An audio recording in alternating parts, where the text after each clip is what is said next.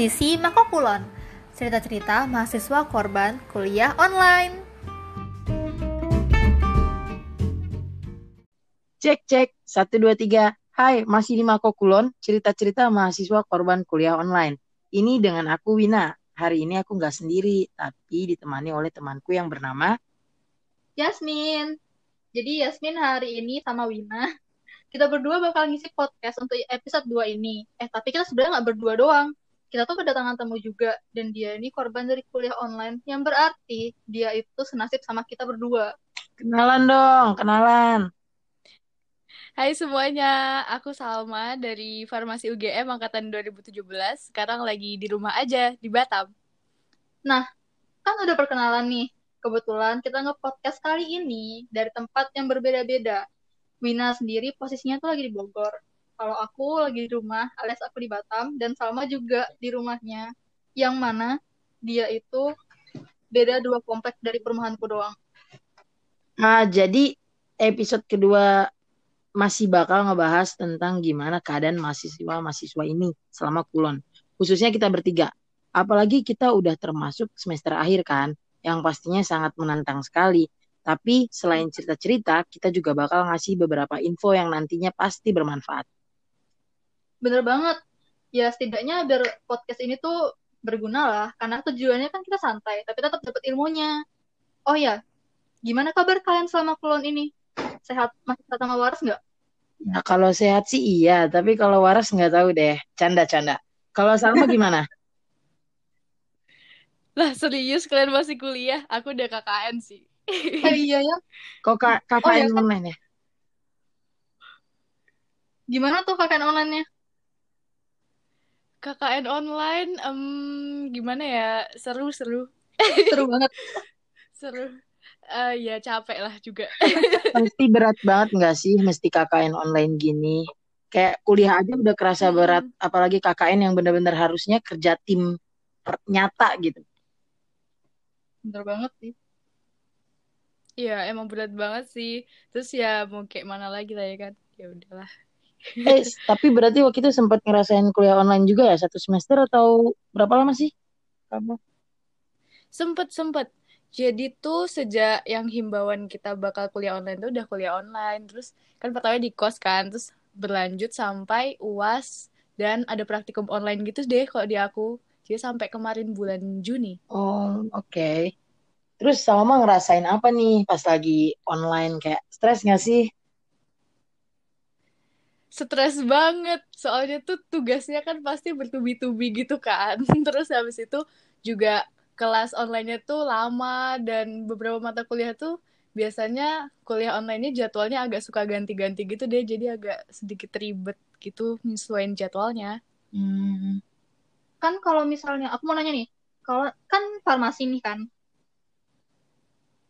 Kalau farmasi itu tuh kan banyak, pasti banyak praktikumnya dan segala macam. Nah, kalau online kayak gini, kalian kayak gimana dong?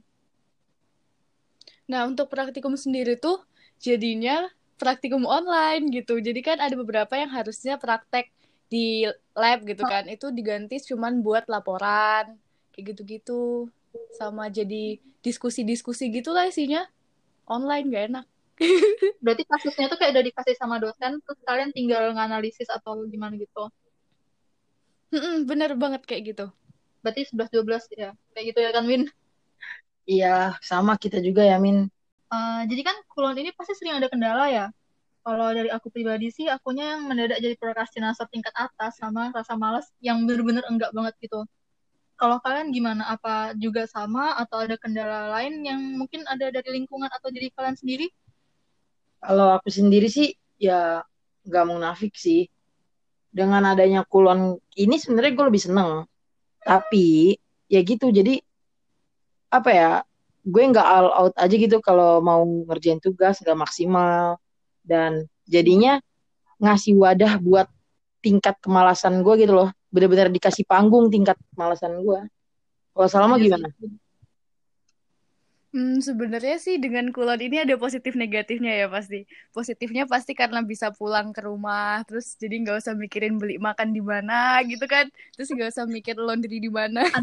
Cuman negatifnya juga banyak, kayak apa namanya, boros, boros kuota kayak 30 giga tuh nggak cukup untuk sebulan kayak gitu kan.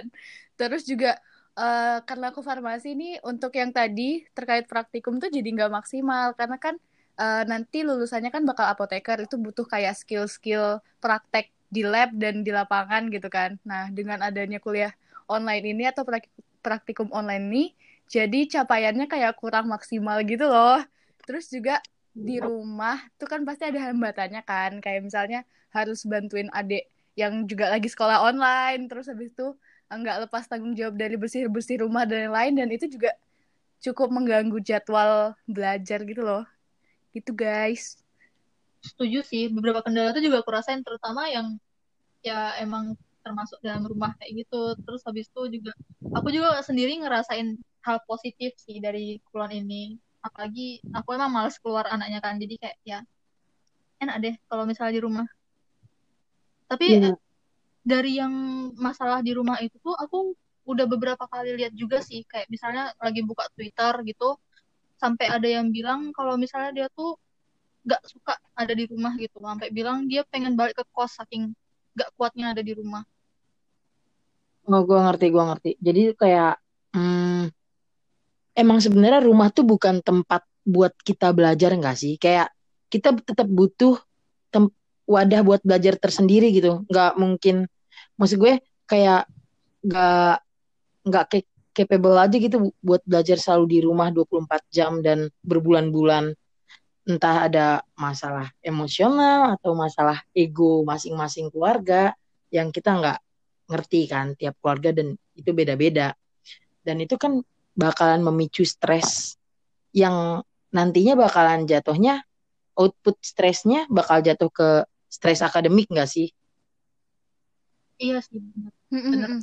setuju setuju makanya kita tuh kan kayak ke kampus itu kan tujuannya untuk belajar. Emang kita tuh dapat ilmu kita dapat dapat apa ya kayak sesuatu yang nggak bisa kita dapetin di rumah gitu kalau misalnya kita di rumah aja ya gitu. Pasti banyak banyak gangguannya dan sama halatannya belum lagi kalau misalnya sekarang kita nggak bisa ke mana-mana kan. Jadi kita kalau stres kalau kalau ada sesuatu hal yang bi- bikin kita enek atau gimana jadi kan lebih lebih gimana ya gimana sih lebih nggak enak gitu rasanya Ya, gue paham, gue paham. Karena kalau di rumah itu kita melibatkan banyak emosional, ya nggak sih? Kayak belum lagi Hmm. emosional dari eh, saudara kita atau eh, orang tua kita yang gitu. tentunya itu akan melibatkan emosional juga dong yang kita tanggung Hmm. maupun yang orang lain tanggung. Jadi pasti mau nggak mau kita juga kayak nyerap emosi yang mereka ituin juga kan ya kita pasti menyerap dan mengeluarkan energi lebih banyak nggak sih? bener. Nah, kalau belum untuk Salma sendiri, kalau gimana gimana gimana? Kalau untuk Salma sendiri, gimana sih Salma untuk mengantisipasi supaya stres itu tidak datang saat kuliah online atau saat KKN online seperti ini? Hmm, kalau untuk stres yang di rumah aja itu ya, itu sih aku caranya eh, dengan eh, ngajak diskusi sih, kayak ngajak diskusi orang tua, adik juga kalau misalnya jam segini jam segini Salma ada kuliah. Atau jam segini jam segini Salma lagi praktikum, jadi kayak lebih banyak toleransi antar anggota keluarga kayak gitu. Kalau misalnya untuk stres akademik, kalau aku pribadi caranya adalah dengan tidak menjadi deadlineer. Jadi aku bener-bener kalau misalnya tugas aku hari ini dikasihkan sama dosen itu bakal langsung aku kerjain hari ini gitu loh jadi nggak numpuk. Karena aku tipenya kalau misalnya eh, tugas itu aku tumpuk di ujung aku tuh panikan terus jadinya bubar semuanya kayak gitu sih. Cuman kan orang beda-beda ya ada yang misalnya ketika dia jadi deadlineer malah lebih bagus hasilnya dan itu nggak masalah gitu Oke, paham, paham. itu sih kalau dari aku Iya, emang komunikasi sebenarnya penting nggak sih? Bukannya kita cuma ngeluh-ngeluh aja, tapi nggak mengkomunikasikan eh, apa sih yang sebenarnya kita butuhin di rumah ini gitu kan? bener bener banget sih bener. Hmm. Ya misalnya bener-bener entah butuh space atau butuh time yang benar-benar nggak bisa diganggu gitu. Dan kalau untuk tadi cara kamu benar-benar bagus banget sih nggak jadi deadlineer yang mana mostly banyakan mahasiswa banyakan deadlineer nggak sih? Nggak tahu sih. Cuma, iya sih cuma cara lu untuk tersindir Cat. tersindir ah, tersindir. Nggak, tapi caranya sama untuk ngebreak apa ya? memutus rantai itu kayak keren aja sih. Karena walaupun Iya, kelihatannya simple things untuk nggak menjadi deadlineer, tapi itu hal yang susah nggak sih Sal? Susah sih awalnya tuh kan ya sejak SMA tuh aku deadlineer parah gitu loh. terus sejak masuk kuliah tuh kok agak susah cuman masih tetap kayak gitu gitu loh terus pas kulon ini malah jadi kejadian aku harus nugas terus setiap setelah dikasih biar nggak stres gitu sih kalian harus coba deh serius Dan Harus itu coba. bekerja buat lu Sal. Jadi nggak banyak stres yang lo tampung. Mm-mm, bekerja karena kan setidaknya pekerjaan aku berkurang berkurang berkurang jadi kalau misalnya di bagian eh di setiap hari Sabtu Minggu tuh agak slow gitu gitu Oke, deh I see, I see. Eh, tapi Um, aku juga berhasil loh itu. Aku udah nyoba kemarin kayak gitu selama seminggu. oh Yasmin juga. Seminggu doang tapi habis itu nggak lagi. lanjutin lah Min, berarti itu nggak mendatangkan konsekuensi positif buat lu, Min. Lu Iya, tapi gue yang kayak aduh gue capek banget gitu. Terus habis itu juga kemarin tuh sempat kayak ada proker juga kan dari organisasi UKM kayak gitu. Jadi itu mungkin agak lebih bikin tugas-tugas kuliah tuh jadi mundur gitu. Hmm, I see, I see. jadi jadi balik lagi habitnya ke yang lama. Ya kayak sekarang Hmm, Gimana cara lo buat konsisten aja sih sebenarnya ya nggak salah. iya iya iya Tapi bener. lebih baik dia udah nyoba at least. Kalau gue belum nyoba. nggak apa-apa nggak apa-apa. Thank you semangatnya. By the way, eh, Salma kan jurusan farmasi nih ya. Pasti banyak praktik Mm-mm. dong. Nah, kesulitan apa yang Salma lewatin selama belajar dari rumah? Yang paling berat gitu. Paling berat tuh karena kan ini praktikum online ya praktikum onlinenya kami tuh uh, dikelompokin gitu. Jadi ada kelompok per kelompok gitu praktikumnya. Yang jadi susah adalah memanage waktu antar anggota. Jadi misalnya eh, teman aku jam sekian jam sekian ada keperluan ini si ini ada keperluan yang lain gitu. Jadi kayak agak susah untuk menyamakan jadwal yang akhirnya tugas itu agak berantakan dan bikin stres gitu sih sebenarnya cuman gitu aja yang lebih yang cukup berat buat aku Hmm, oke oke. Em, berarti Sal, berarti Sal em, banget banget susah juga ya kalau misalnya KKN online gitu nyocokin diskusinya sama teman-teman yang lain ya kan. Apalagi ada perbedaan waktu Wita dan Wip Mm-mm. ya. Em, tadi lu Iya, nyinggung sedikit benar-benar. tentang time management Sal. Nah, kalau dari gue sendiri nih yang nggak pernah buat time management, itu tuh berpikir stigma di otak gue tuh ah bullshit. Nah, kalau lu yang udah meraktekin dan membuat time management itu bekerja nggak buat lu? Buat aku pribadi bekerja sih. Jadi karena udah di jadwal gitu ya, aku kan sering kayak bikin jadwal jam sekian aku ngapain, jam sekian aku ngapain, itu kayak jadi tertarget gitu loh untuk setiap jam sekian udah harus beres gitu. Dan dan itu berefek ke kehidupan aku gitu loh. Jadi nggak terlalu pusing dan nggak sering lupa jadwal gitu karena udah diatur di Baik, jadwal Kalau lu. Min gimana Min? gue jadi ditanya deh serius gue semingguan ini bener-bener pusing banget gara-gara tugas dan segala macamnya tapi tapi gue sempet sih kayak gitu yang kalau misalnya dosen udah ngasih tugas di e-learning kan kalau kita di e-learning kan dosen upload tugas dikasih waktu seminggu ya biasanya kan Win? Hmm, kalau gue tuh sempat kemarin tuh emang pas dosennya bikin tugas itu gue langsung kerjain kayak gitu. Hari itu juga langsung kelar gitu. Oh tapi gitu. bertahannya cuma seminggu doang. Hmm, oke oke.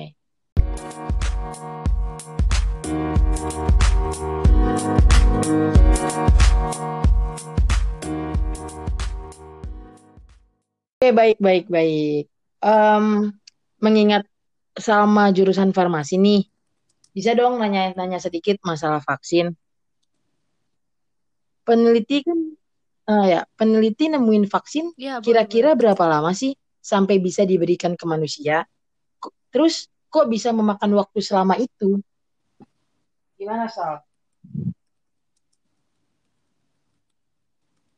Jadi tuh kenapa vaksin lama? Karena proses eh, ini secara Oh. umum aja ya, sharing-sharing. Jadi untuk proses penemuan obat gitu maupun vaksin itu butuh waktu yang lama karena prosesnya tuh bertahap dan panjang banget.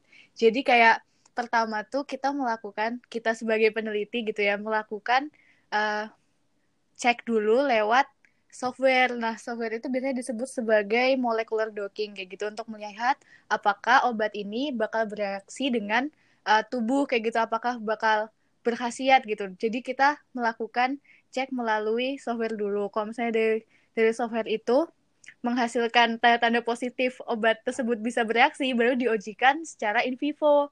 In vivo tuh kayak kita menggunakan sel, terus menggunakan media tumbuh kayak gitu. Pokoknya di, tu- di luar tubuh manusia ataupun hewan uji gitu kan. Nah, kalau misalnya nih udah ditemuin kadar tertentu gitu ya yang udah bisa berefek pada tubuh, itu baru dilakukan uji yang in vivo kayak gitu. In vivo itu lewat hewan uji dan itu tuh juga lama gitu loh untuk menghasilkan hasil yang positif. Kayak kita harus trial, trial, trial gitu untuk dapat uh, kadar yang paling sesuai yang nantinya bakal dikonversi ke manusia. Nah, setelah uji in vivo nih masih ada uji lagi namanya uji klinis. Nah uji klinis ini ada tiga tahap teman-teman. Jadi emang lama banget gitu loh uji klinis ini tiga tahap kayak dia diujikan di manusia sehat terus di suatu populasi dan lain-lain dan itu memakan waktu bertahun-tahun kayak gitu. Cuman untuk coronavirus ini sendiri emang eh, diharapkan lebih cepat ya. Karena kenapa? Karena teknologi sekarang kan juga udah maju terus seluruh dunia ini lagi lomba-lomba untuk cari vaksin. Jadi berharap aja semoga segera ditemukan vaksinnya dan obatnya untuk orang-orang yang oke. sudah positif. Sangat gitu. informatif sekali. Panjang banget ya. Sangat informatif sekali dan itu ngebuka wawasan kita. Jadi kayak gimana ya? Nggak asal jeplak. Kapan sih vaksinnya temuin? Ya kan? Kayak itu tuh itu tuh kayak nge ngebuka jendela baru gitu. Paham gak sih rasanya kalian kalian tuh baru ngebaca sesuatu terus habis itu yang kayak oh ternyata kayak gitu. Dan ini hanya gambaran secara universal aja terdengar sangat Universal gitu loh. terdengar sangat memakan waktu yang proses yang sangat panjang. Gimana kalau memang kita Lama. tahu secara spesifik Iya, gimana bener. sih cara nemuin vaksin itu? Parah sih. Baik, baik. Kayaknya gue gak bakal sanggup sih belajar kayak gitu. Lama, lama. Lu nanya ya. Bentar. Bentar dulu. Putus-putus tadi soalnya makanya gue diem. Hmm. Nah kan eh, tadi kan ngebahas masalah vaksin ya. Kalau vaksin itu kan bisa dibilang jadi salah satu penangkal nggak sih yang untuk untuk orang-orang yang belum kena. Iya nggak sih? Bener nggak sih? Eh, Iya, sebagai sebagai pencegahan preventif. untuk orang yang belum kena. Nah kalau misalnya sekarang itu kan kita biar tahu kita tuh kena atau enggaknya itu kan ada tes yang namanya swab test sama rapid rapid test itu ada dua itu. Nah, aku tuh pengen tak, aku tuh pengen Mm-mm. tahu sebenarnya kenapa sih, kenapa ya swab test itu tuh bisa lebih akurat dibanding rapid. Padahal em, apa karena dia lebih memakan waktu yang lebih lama untuk mengetahui hasilnya atau gimana gitu? Mungkin Salma bisa bantu jelasin ya. Hmm, oke, oke. Oke, oke. Ya. Sharing lagi ya. Untuk rapid test sendiri, itu tuh sebenarnya bukan untuk uji COVID gitu loh. Jadi kalau rapid test sendiri itu tujuannya adalah untuk melihat apakah tubuh itu sudah memproduksi antibodi atau belum. Nah, antibodi itu gimana sih munculnya kalau misalnya kita terjangkit infeksi nih. Nah, tubuh kita otomatis tuh menimbulkan atau memproduksi antibodi. Nah, kalau misalnya udah terbentuk antibodi, maka nanti di rapid testnya itu bakal hasilnya tuh reaktif kayak gitu. Jadi nggak bisa nggak bisa bilang kalau itu tuh positif COVID gitu. Nah, sementara kalau swab test itu kenapa kok lebih akurat? Karena dia tuh lebih spesifik. Kenapa dibilang lebih spesifik? Karena dia menggunakan alat yang namanya PCR. PCR itu sendiri dia eh, ketika eh, cairan dari tubuh itu diujikan, nanti kan diambil sari-sari kayak DNA-nya gitu kan. Nah, DNA itu terbentuk dari beberapa rantai protein yang itu tuh spesifik. Jadi untuk COVID tuh ada rantainya sendiri gitu loh, rantai proteinnya sendiri. Nah, di PCR itu tuh bisa ngecek itu gitu. Jadi dia lebih selektif dan lebih spesifik. Jadi hasilnya bisa menentukan apakah pasien itu Jadi positif COVID atau akuratnya emang enggak. lebih Kayak gitu, pakai alat tes. PCR ya. Hmm. Mm-mm, benar-benar. Berarti rapid, tunggu, berarti rapid itu tuh kayak cuman semacam kita tuh tak pengen tahu kita tuh rentan apa enggaknya gitu nggak sih? Iya. Eh, lebih ke tahu apakah tubuh kita udah memproduksi antibodi atau belum. Kalau misalnya udah terbentuk suatu antibodi, anti artinya kan Hmm. ada infeksi kan. Nah, tapi dia tuh nggak spesifik gitu loh. Ini in- infeksinya apa karena COVID atau see, I infeksi karena yang Ah, lain kayak gitu. Lumayan banget nih infonya ya. Nambah-nambah informasi untuk kita Mm-mm. dan pendengar juga. Iya bener. Oke, Salma, Betul. makasih banget ya udah mau luangin waktunya untuk sharing ke kita dan para pendengar. Dan asik. Iya, Dan untuk sama-sama. pendengar setia Makokulon, jangan di skip ya. Nanti di episode 3 kita bakalan ada bahasan menarik untuk merespon ceritanya Mbak A ini loh. Mbak A dong. Mbak A itu siapa? Skrip, siapa? skrip banget gak tuh? Oh ya, thank you banget ya Sal eh, atas sharing-sharingnya kayak gini. Lumayan banget nambah-nambah informasi juga kan untuk kita sebagai yang pembicara juga, pembicara sama yang pendengarnya juga gitu loh. Kasih Sal. Iya, sama-sama. Oke, para Sama-sama. pendengar setia Makokulon, jangan di skip ya. Nanti di episode 3 kita bakalan ada bahasan menarik loh untuk merespon cerita Mbak Salma ini. Bener banget. Nah, jangan lupa nanti cek juga di episode 3-nya ya. Jadi, see you di episode 3.